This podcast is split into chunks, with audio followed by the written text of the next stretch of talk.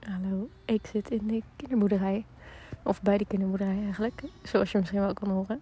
Ik heb geen idee of ik goed te verstaan ben, maar dat gaan we vanzelf merken. Ik ging even een stukje wandelen. En toen kwam ik hier terecht. En ze hebben hier dus hertjes. Nou, als je mij een beetje kent, dan weet je dat dat echt mijn allerfavorietste dieren zijn. Dus dat vond ik helemaal vet. Echt heel, heel leuk. Dus ik zit nu lekker te genieten tussen de geitjes en de hertjes en de kippen. En dat zet mij aan het denken. Zoals wel vaker gebeurt. Er kwam net ook een uh, opa langs met een kleinkind. Echt heel erg lief. Die opa die was echt het voorbeeld van autonomie geven uh, aan kinderen, zeg maar. En met ze meebewegen, maar ook grenzen stellen. Echt heel top. En uiteindelijk gingen ze dus op de schommel hier. En zo. Um, en toen merkte ik dus bij mezelf dat ik dacht, ja, ik heb eigenlijk ook wel zin om op die schommel te gaan zitten. Maar, um, ja, dat is een beetje gek. Ik bedoel, als ik nou een kind bij me had, dan was het nog oké geweest. Net als die opa, zeg maar. Maar in je eentje, dat doe je niet. Ja, en dan komt natuurlijk de volgende stap.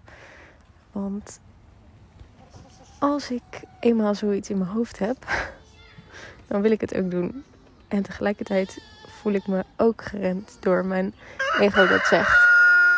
Nou, dat kan toch niet. En dan eh, komen er allemaal mensen hier langs en die vinden daar wat van. Dus, hmm, wordt vervolgd. Hey, Jennifer uit de studio, a.k.a. woonkamer hier. Ik ga even een kleine uitleg erbij geven wat er nu op dat moment waar je nu naar aan het luisteren was in mij omgaat. Dit is namelijk essentieel voor alles wat te maken heeft met groei. En dat zit zo. Op dit moment voer ik een soort innerlijke strijd. Uh, dat is iets waar je, nou, wat iedereen heeft en waar je gewoon zeg maar overheen kan stappen. Of het is iets waar je heel bewust bij stil kunt staan.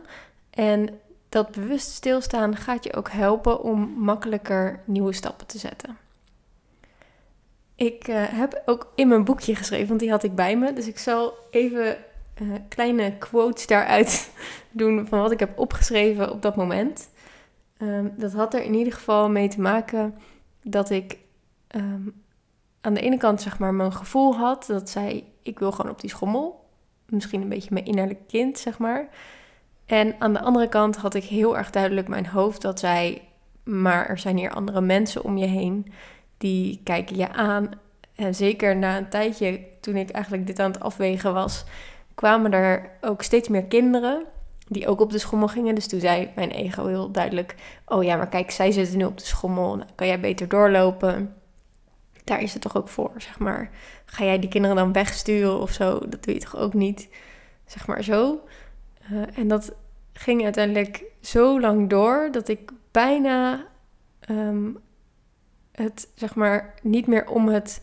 Ik heb zin om te schommelen had gemaakt in mijn hoofd, maar dat ik het erom had gemaakt van durf je het wel of durf je het niet. Nou, dit is natuurlijk echt een mini voorbeeld hè, van iets wat dagelijks bij je gebeurt. Dit is nu gaat het om, uh, ik heb zin om op een schommel te zitten. Maar de volgende keer gaat het om, uh, ik heb zin om deze les uh, op een manier te geven die beter bij me past. Of ik heb zin om eens te proberen met mijn klas een nieuwe werkvorm te doen. Of ik heb zin om eens mijn ochtendroutine om te gooien, bijvoorbeeld. Het zijn allemaal dingen die je ook op andere momenten kunt toepassen.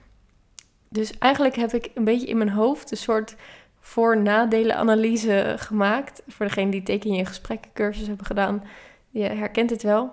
Uh, en zo niet, leg ik dat zeker een andere keer nog uit. Maar in het kort komt het er even op neer dat ik dus de hele tijd in mijn hoofd bezig was met um, uh, aan de ene kant dus het ene, dus naar die schommel toe lopen en erop gaan zitten. Wat is daar het voordeel van en wat is daar het nadeel van? En aan de andere kant um, gewoon weer doorlopen, zeg maar. Wat is daar het voordeel van en wat is daar het nadeel van?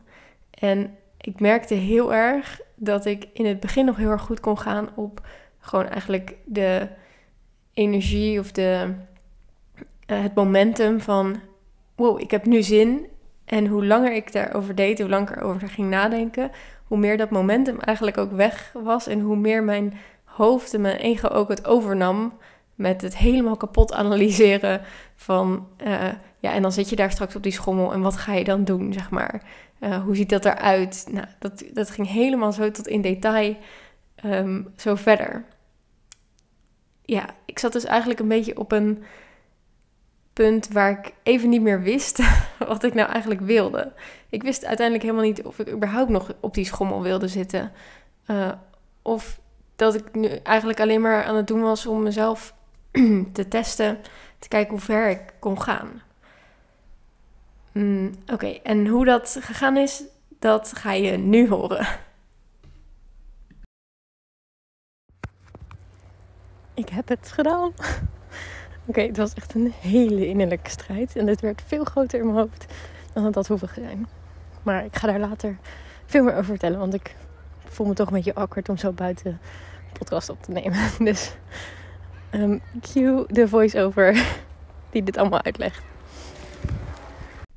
Oké, ik heb het dus uiteindelijk wel gedaan. Um, en daar was ik mega trots op. het was wel een klein beetje awkward, want er waren dus uh, andere mensen die daar ook omheen aan het spelen waren met de kinderen. En ik had voor mezelf bedacht, oké, maar nu ga ik gewoon. Uh, ik maak dit veel te groot in mijn hoofd en ik, ik, ga dit gewoon doen. En toen wilde er net iemand anders op die schommel gaan zitten. Toen, dus ik was net opgestaan, toen dacht ik, oké, ik ga maar weer zitten. Um, en toen gelukkig was het alweer heel snel leeg en toen ben ik alsnog dus gegaan. Toen zat ik eenmaal op die schommel. Toen dacht ik ook, ja, en wat ga ik nu doen? Maar ik was gewoon helemaal blij, omdat ik er lekker op zat. En toen ineens besefte ik me ook weer dat ik dit nu helemaal een ding had gemaakt voor in mijn hoofd. Terwijl ik eigenlijk het schommelen zelf echt heerlijk vond. En dat was eigenlijk waar het om ging natuurlijk. Uh, ik heb ook opgeschreven toen nog in mijn boekje: Ik zit en ik doe wat ik zelf wil. zeg maar zoiets kleins. Um, waarvan je normaal helemaal niet zou denken: ja, boeien, zeg maar. Dat is voor mij nu echt iets groots worden. En dat, geworden, dat heeft ermee te maken uh, dit gaat eigenlijk over je comfortzone en over groeien. En mocht je dit nog niet weten, er zijn drie zones zeg maar, waar je in kunt zitten als je iets nieuws gaat doen. Of, ook als je niet iets nieuws doet eigenlijk, gewoon altijd. Helemaal in het midden, daar heb je je comfortzone, de welbekende zone waar je je meestal zeg maar, het vaakst in bevindt. Daar net buiten, daar heb je de leerzone. En als je daarin gaat, ga je eigenlijk nieuwe dingen leren. Dat is een beetje spannend. En dat merk je ook vaak een beetje aan je lichaam of aan hoe je gedachten gaan. Nou, dat heb je ook bij mij wel gemerkt. Um, maar dat is een ideale plek om nieuwe dingen te leren. En het is ook goed om daarna weer terug te gaan naar je comfortzone. Want um, dat, daar gedij je ook gewoon het beste uiteindelijk in. Zeg maar. Als je altijd in de leerzone zit, dan sta je ook altijd wel op een of andere manier aan. Dat is ook niet ideaal. Um, maar je hebt nog een derde zone, daar weer buiten. En dat is de paniekzone.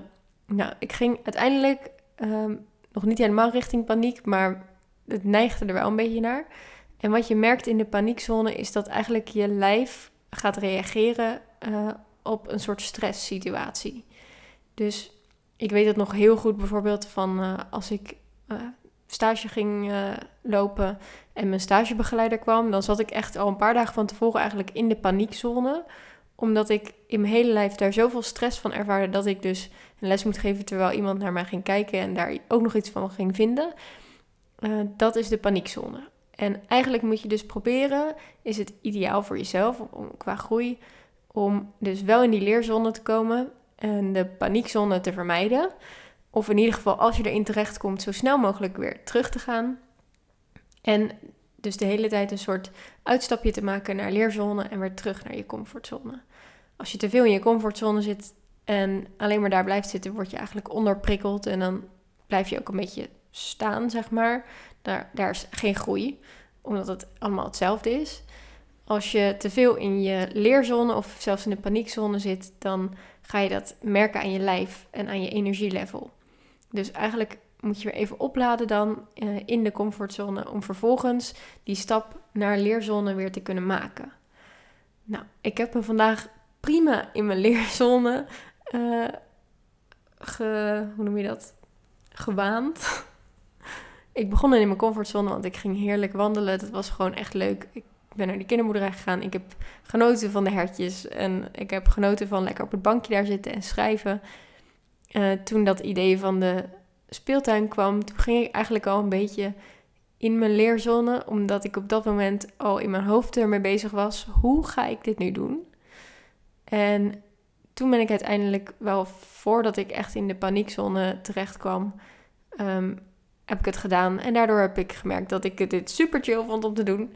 Dat ik schommelen heel lekker vond. Mijn innerlijke kind daar helemaal blij mee was. En dat ik dus ook, want dat is een soort bijproduct van in je leerzone gaan. Uh, dat ik dus weet dat ik dit soort dingen kan. En door dit soort kleine uitstapjes vaker bewust te maken, bewijs je eigenlijk aan jezelf van hey, ik kan nieuwe dingen. En ik kan, ook als het spannend is of als ik even niet weet wat ik nou eigenlijk moet of wat ik nou eigenlijk wil, kan ik daar een beslissing over maken die goed voelt voor mij en waarvan ik dus groei.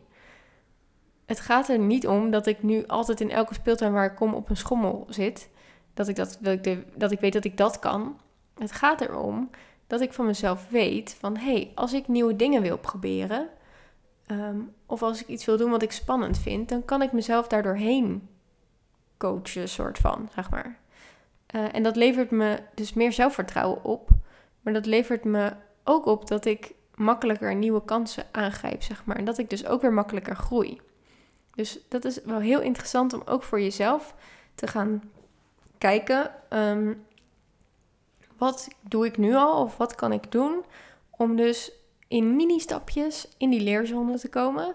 Zonder dat je er meteen paniekzone van maakt. En dat je dus een hele grote stap wil nemen. Want dat is wat we vaak automatisch graag willen doen. We denken, oh, ik heb een mooi doel. Ik ga de grootste stap zetten die ik kan vinden. Je komt in de paniekzone. Je keert helemaal overprikkeld en uh, onverrichte zaken, zeg maar, weer terug in je comfortzone. En dan denk je, ja, zie je, ik kan het ook niet. Uh, nou, dat werkt alleen maar negatief.